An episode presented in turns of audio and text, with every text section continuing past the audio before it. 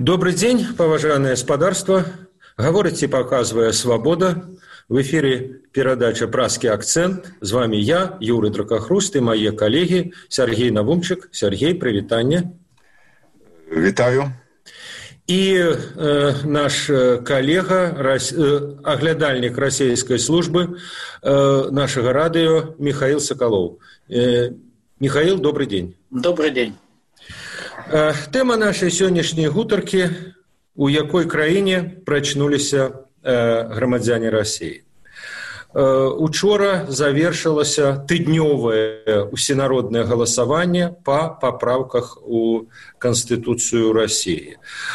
Вынікі Э, агучаныя пры падліку ну амаль усіх 99соткаў пададзеных галасоў такія 78соткаў за яўка 68 адсоткаў это значит что 53 адсоткі больш за палову дарослага насельніцтва рассіі прагаласавала за гэтыя папраўкі асноўныя э, пункты э, гэта так званае абнуленне тэрмінаў Владимира Путина, президентских терминов, и он теперь может баллотоваться в президенты аж до 1936 года быть президентом тэарэтычна і э, таксама вельмі важны пункт это верхавенство расійскіх законаў над любымі міжнароднымі дамовамі э, михаил вот многія і да першага ліпеня да гэтага так бы мовіць дэдлайну і вот цяпер на наступны дзень пасля Гавораць што вот другога ліпеня э, расіяне расейцы грамадзяне рассіі прачнуліся в іншай краіне. Ну а ці сапраўды так? Можа это метафора ці вот бо справа ў тым что ну россия мягко кажучы давно ўжо не ідэальная дэмакратыя. Але вот ці можна сказаць что вот цяпер перайдзены пэўны рубікон яшчэ далей? Ну я бы согласился с тем что россия давно уже находится в таком э, состоянии вот, э, авторитарного направления, когда э, воля одного человека фактически самодержавна, и все остальные слои элиты подчиняются Владимиру Путину. Другое дело, что в многих случаях это подчинение было как говорят, по понятиям, то есть э, по сложившимся э, правилам э, некой неписанной традиции, ну, скажем, фактическое подчинение Конституционного суда не было записано в Конституции, но де-факто Владимир Путин прекрасно его контролировал, что мы и увидели в процессе так называемого принятия Конституции. А теперь это будет делаться де юре, также точно и с э, международным правом, на что вы обратили внимание, собственно, ряд э, решений уже игнорировался со ссылкой на вердикт Конституционного суда весьма сомнительного свойства. Теперь будут ссылаться на соответствующую статью Конституции, не обращая на другую статью этой же самой Конституции. То есть здесь закладывается, что называется, правовая база, легитимизация вот этого авторитарного правления Владимира Путина. Но еще, Юрий, я бы обратил внимание на а, такой идеологический а, кусок этих поправок, а, которые, опять же, де-факто уже фактически-то действовали, потому что ну, например, борьба за традиционные ценности ведется последнее десятилетие властью ограничения некоторые для госслужащих, э, так сказать, они тоже были. Но вот, э, например, так сказать, пункт о том, что Россия правоприемница СССР в государственной пропаганде, он фактически действовал, желание обеспечивать защиту исторической правды, как ее понимает Владимир Путин, оно теперь записано в Конституцию. Умаление значения подвига народа при защите Отечества не допускается. Ну так это тоже было, и людей уже сажали за э, неправильные тексты по истории, так сказать, трактовки э, пакта Молотова-Риббентропа. Э, то есть э, идеологическая составляющая, она тоже вводится в Конституцию и, по всей видимости, будет э, насаждаться через систему образования, например.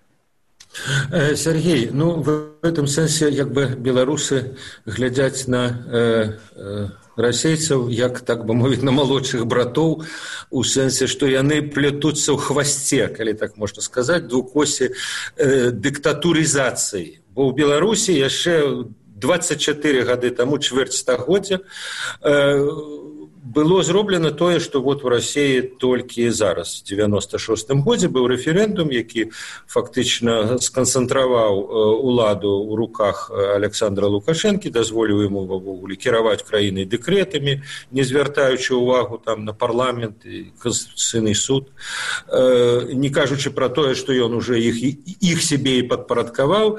І як бы другая так бы мовіць разынка на торце. Гэта э, рэферэндум 2004 года году калі тады ў беларусі адбылося тое самае абнуленне але яно як бы адбылося в абсалютным сэнсе калі цяпер по расійскай канстытуцыі ну фармальна кажучы путин толькі до тридцать шестого году вот то лукашенко можа вечна кіраваць вот по рэферэндуму 2004 года і тады таксама казалі і в 96 і в 2004 мы прачнуліся ў новой краіне вот э, это сапраўды двойчы как бы она была новой ці насамрэч вот як я казаў что ну вот это як бы фармальная змена канстытуцыі не вельмі мал э, не вельмі шмат на што ўплывала Ну безумоўна што ўсё ж таки шмат на што ўплывала михаил ужыў такую формулу легітымізацыі аўтарытарызма все ж таки відаць любому аўтакрату для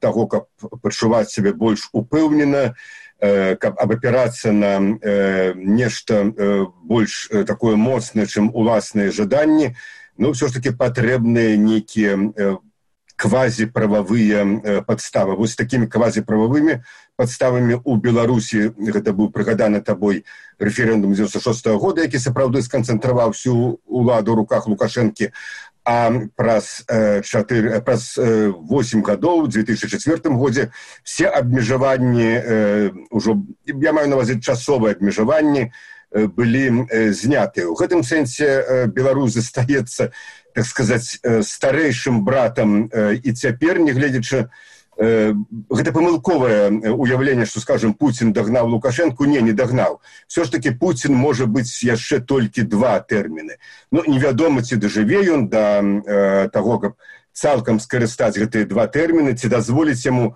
расійскае грамадства гэта зрабіць. Могуць быць розныя сюрпрызы. э, але э, все ж таки не больш як э, два тэрміны он э, можа гэта зрабіць. Лукашенко можа дажыць хоць да ста гадоў і заставацца на гэтай пасадзе абсалютна я просто звярнуў бы увагу на тое што вось такія рэчы адбываюцца сапраўды вельмі паступова і э, вось недавно тимур алевскі у нашым праскім акцэнце ён ужыў вот гэтую формулу што расіяне самі не ўяўляюць што яны вот прачнуцца ў іншай краіне дык вот звычайна мы і прачынаемся у іншай для сябе сітуацыі не вельмі гэта заўважаючы вельмі паступова лукашенко скажем шоу да гэтага вельмі паступова прывучаў беларускае грамадства да таго што вось одна частка свабоды была аднятая другая частка свабоды. Тое ж самае і ў рассіі адбывалася з пуціным шмат хто ну можемм прыгадаць хаця б немцова на пачатку правлення пуціна лічыў што вось гэта нармальны сучасны кіраўнік які так сказать пойдзе развіваць все лепшае што было пры ельцыне і Пуін нібыта сапраўды сваю рыторыкай даваў такія падставы але вось памалу памалу пачалося здаецца ў рассіі гэта з таго з чаго пачала пачалося ў беларусі. Лукашенко змяніў сімволіку нацыянальную на э, псевдасавецкую Пуін змяніў гімн. Здавалася б ну як бы непасрэднага дачынення да вот канстытуцыйных нейкіх таких нормаў аўтарытарызма гэта не мае а вот аказалася не так. Вот пачынаецца з гэтага скончваецца вот сапраўды што Росія зараз мае цара. Э, михаил э, скажите ну вот э, такія лічбы семьдесят восемь за. Было шмат паведамленняў пра тое что як бы там намалявалі дамалявалі.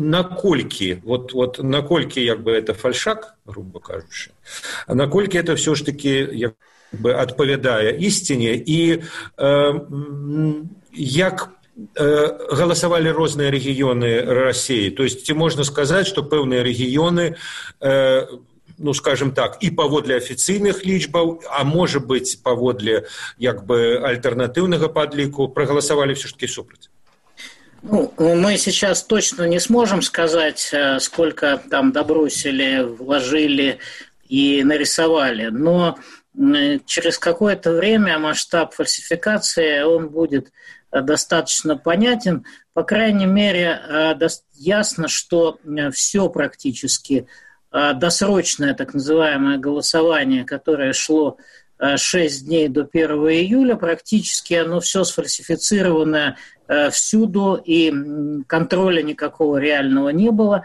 В этот раз не было наблюдателей от общественных организаций и партий, их посылали там общественные палаты, так называемые. Сидеть 7 дней люди, в общем, не могут. Э, но это, так сказать, вот такой новый способ, э, как фальсифицировать.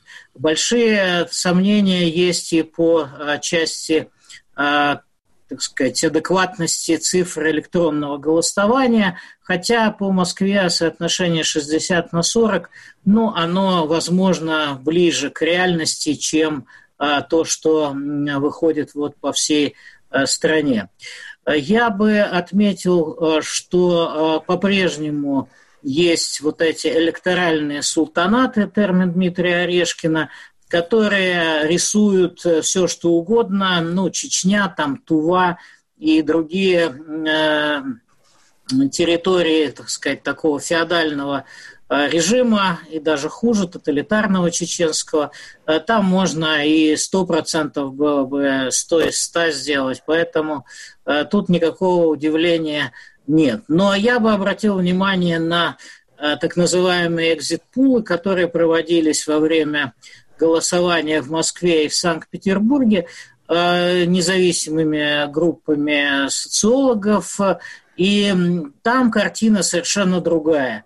Мы видим, что э, в Петербурге голосовало именно 1 числа порядка 60% против, в Москве где-то больше 50, ну, предположим, там это были цифры 53-54%. То есть это в чистом виде раскол электората, Э, который пришел на, эти, на это голосование, хотя, конечно, уже и голосованием его трудно называть, на эту электоральную процедуру. Получается, что крупные города, я думаю, что Екатеринбург, э, например, и на Дальнем Востоке мы видим такие же данные по многим участкам, где был хоть какой-то контроль, это Хабаровск, Владивосток, мы видим, что э, достаточно в крупных городах э, высокий уровень недовольства Путиным, той линией, которую он ведет, той политикой, которая велась во время э, так и не закончившейся, кстати, естественно, эпидемии коронавируса. Э, в общем, здесь реально есть оппозиционные настроения, достаточно сильные. Мы еще можем отметить голосование в Ненецком Э, автономном округе, где э, Конституция Путина э, проиграла. Это единственный такой регион. И, конечно, это связано с тем, что этот небольшой, но достаточно относительно богатый край нефтеносный решили, не спрашивая жителей, присоединить к бедной Архангельской области и растворить те преференции, которые существуют у Нарьянмара и вообще у тех, кто живет на этой территории, работает, растворить их вот в нищенском архангельском бюджете. И я так понимаю, что это вызвало протесты не только населения, но и э, части элиты, которая, в том числе входящая в Единую Россию, говорила о том, что они не будут это поддерживать и голосовать. И, по всей видимости, они просто э, провели честное голосование с тем, чтобы продемонстрировать Кремлю, что и, и временный губернатор их не устраивает, и курс, который, так сказать, навязывается сейчас, тоже не устраивает. Ну, посмотрим, какие неприятности э, или, так сказать, уступки будут э, их ждать. Здесь пока это непонятно. Может быть и то, и другое. В общем, э, я еще раз обратил бы внимание на то, что проснулись-то мы в, э, почти в той же стране, где будут нарисованы законы и правила для все э, более жесткого усмирения реально существующей оппозиции, реально существующего недовольство продвинутого городского населения, молодежи, которая себя показала во время кризиса на выборах в Московскую городскую думу в 2019 году. То есть эта история, конечно, не закончилась. Я думаю, что спасаться за юридическими барьерами от народного недовольства, ну, довольно сложно. Конечно, для Путина штыки будут, как и раньше, важнее. Э, Сергей, ты штось хацеў сказаць так, так, так. Э, да. я хацеў бы задаць э, пытанне михаілу михаілу сёння раніцай у фейсбуку наша калега алена рыкаўцева напісала э, такую зацемку нататку што вось навальны заклікаў сваіх прыхільнікаў байкатаваць не ісці на гэты рэферэндум А вось калі б ён наадварот заклікаў э, пайсці і прагаласаваць супраць не за а супраць то лічбы былі б ну э, скажем менш прыемныя э, для э, кремля. Вось михаил на ваш погляд что вот у такой ситуации важней бо гэта праблема якая постоянно паўстае перад беларускай оппозицией. Бойкот ці прыйсці і прогаласаваць не. Вот як бы гэта могло паўплываць калі б скажем ну сапраўды нейкія апозіцыйныя сілы у россии паспрабавалі заклікаць все ж таки э, не голосовать, прийти на участки или не голосовать. Словом, э, что важнее было для Кремля? Явка, процент явки, ці э, колькость вось гэтых голосов, подаденных там за и супраць? Для Кремля было важно и то, и другое, и явка, и победа на так называемом голосовании. Еще важно было, чтобы не было каких-то масштабных протестов э, но когда они вчера увидели, что небольшие группы молодежи на Пушкинской там собираются, но большого протеста какого-то не ожидается, они дали им погулять и а, покричать лозунги, и никакого разгона не было. Что касается позиции Навального, ну, она не была такой однозначной, она была все-таки, ну, я не иду, а вы делаете, что хотите. А, позиция Яблока была, мы не участвуем, но если кто-то хочет протестовать Э, через голосование против, ну, пожалуйста. Э, позиция там партии Народной Свободы Касьяновской тоже примерно похожая, хотя более жесткая, они участвуют в этом безобразии. Но в любом случае я не уверен, что оппозиционные лидеры в России способны управлять э, значительной частью своего же электората вот так вот напрямую. Я сказал, вы придите, придете. Я не сказал, вы не пришли. Я думаю, что Навальный чувствовал какие-то настроения, что его избиратели все равно значительная часть не придут. Ну вот он пошел по этому пути. Если бы он сказал, что надо приходить, наверное, в Москве цифры были бы действительно более неприятные приятными, э, чем, э, чем э, они есть сейчас, вот нарисованы сейчас. Но не, не существенно. Ну, например, мы бы на экзит-пулах видели бы картину, которая есть в Санкт-Петербурге. Там вот эти 60 с чем-то на 62, по-моему, на 38. Ну, вот было бы примерно так. Я думаю, что это не настолько принципиально в ситуации, когда Э, в общем, э, власти добрасывают теми или иными способами, даже в крупных городах, э, с тем, чтобы показать, что у них есть большинство, которого на самом деле-то у них в этих городах нет. То есть сама процедура не позволяет законно утвердить результаты, которые существовали бы на самом деле. В этом случае я подозреваю, что еще важным аргументом за то, чтобы не ходить именно на это Э, мероприятия была сама эпидемия. Ну вот с точки зрения э, нравственной, те люди, которые э, считают, что эпидемия не закончилась и ходить на участки опасно, они, по всей видимости, уверены, что звать людей участвовать вот в такой постыдной процедуре, да еще и с риском для здоровья, нехорошо. Ну, мы посмотрим, будут, э, по крайней мере, в сентябре региональные выборы, э, посмотрим, каким образом вот Навальный, его умное голосование э, будет действовать, как будет действовать яблоко, получится у них что-то хотя бы показать, или, так сказать, все свалится вот в какую-то депрессию и апатию. Ну а зараз давайте паговорым пра так бы мовіць беларускае рэха расійскага э, гэтага усенароднага галасавання. А, вот Путін Кремль пасля першага ліпеня з новай канстытуцыяй з э, магчымасцю правіць до 36 -го году з э, верхавенствам расійскіх законаў.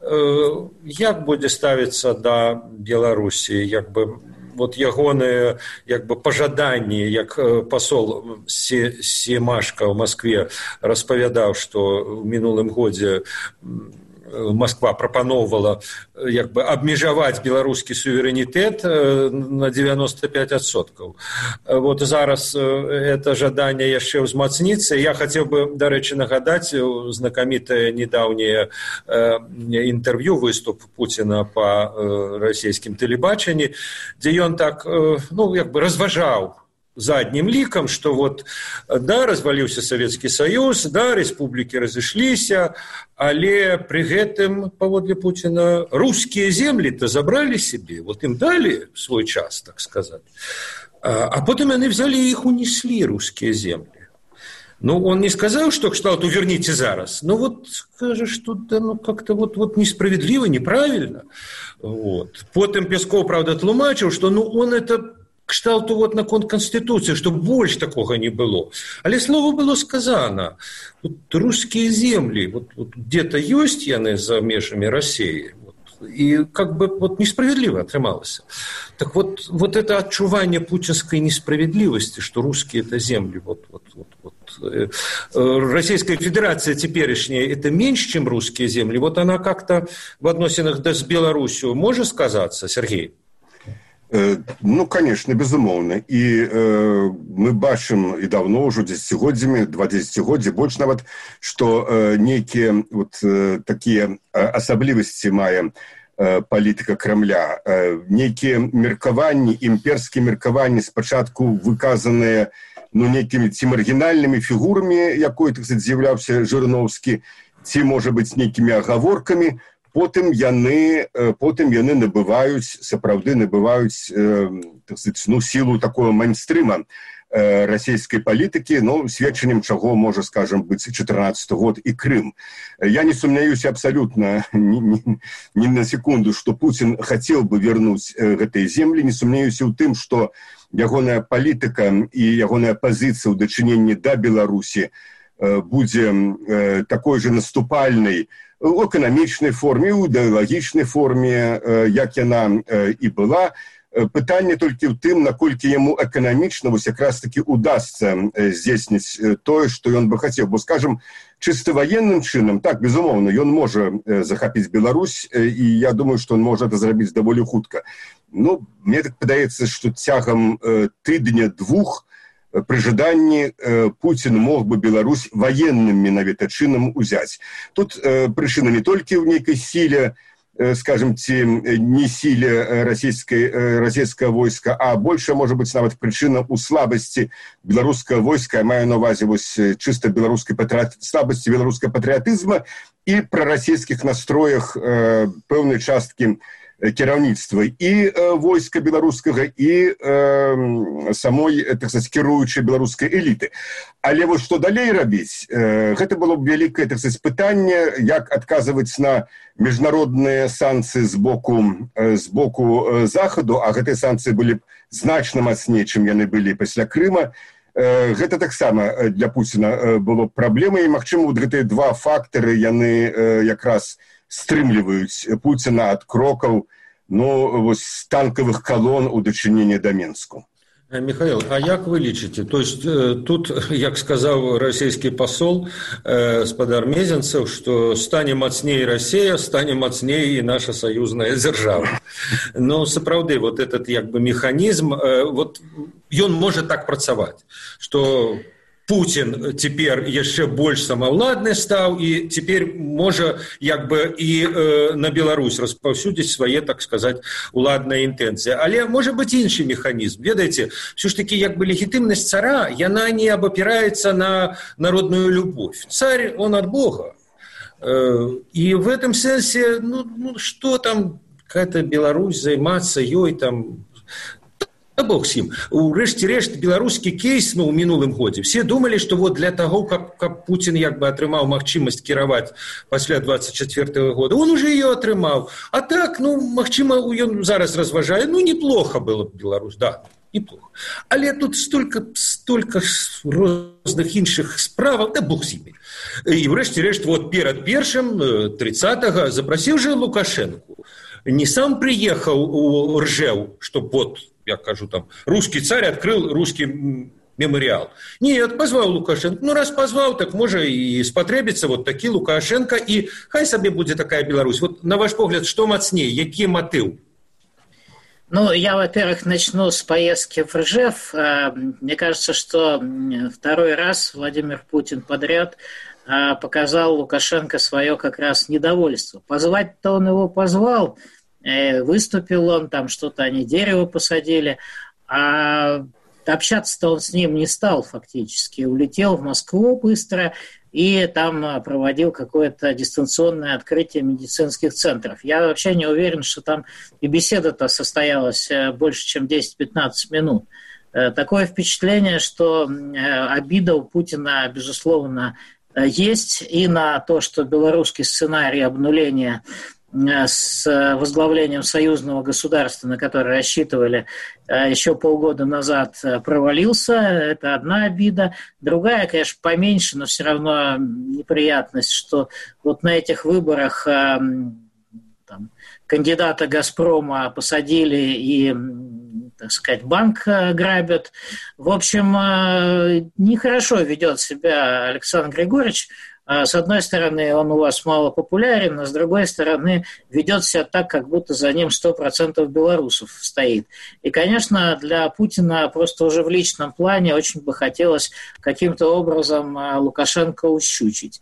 А что касается стратегических эм, мыслей, да, ну ведь не случайно в Конституцию они вписали вот это правопреемство Советского Союза, а в языке российские чиновники постоянно путают российское и в разговоре российское и советское. Если Путин говорит о русских землях, каких-то там, которые якобы отдала Россия, то я подозреваю, что Россия для него Советский Союз, а отданные земли – это, собственно, вот эти самые советские республики, которые стали независимыми государствами сейчас. И э, я думаю, что как э, человек э, из советской эпохи, из КГБ, он Э, вот к этой, ко всей независимости, национальным э, интересам и к всему прочему относится как э, к такому заговору иностранцев, спецслужб по развалу великой и могучей России, она же Советский Союз. Поэтому, если в какой-то момент там, та же белорусская власть окажется под большим давлением, например, народным, то я не исключаю, что Владимир Путин окажет, как это бывало с Брежневым, интернациональную братскую помощь какую-нибудь э, тому же Лукашенко или его детям, но плата за это будет достаточно велика. По всей видимости, как минимум так называемое глубокое государство, э, глубокая интеграция, а как максимум э, уже реализация этого союзного государства как реального механизма управления, ну и с последующим растворением а, в просторах российской современной империи. Это все вполне возможно, и даже какие-то слухи, которые ползут по Москве, они говорят о том, что Лукашенко предлагалась якобы должность председателя Совета Федерации вот этого нового государства. Ну, видимо, ему этого маловато, да и верить верить Владимиру Путину, как мы знаем, довольно сложно, поскольку говорит он одно, а делает часто э, совершенно другое. В общем, я на месте э, Белоруссии не, и оппозиции белорусской не расслаблялся бы, поскольку э, любая слабость соседей Путиным используется для того, чтобы, безусловно, продвигать имперские интересы своего режима, который действительно становится отчасти наследником Советского Союза официально в этой Конституции, отчасти наследником э, старой Российской империи с ее собиранием земель и самодержавием. Добра, дзякуй, Михаил, дзякуй, Сергей. Я нагадаю, что с вами были оглядальники белорусской службы «Радио Свобода» э, Сергей Навумчык, аглядальнік расійскай службы нашага радыё Михаил Сакалоў і я Юры Дакахруст. Да новых сустрэчаў. Да пабачэння.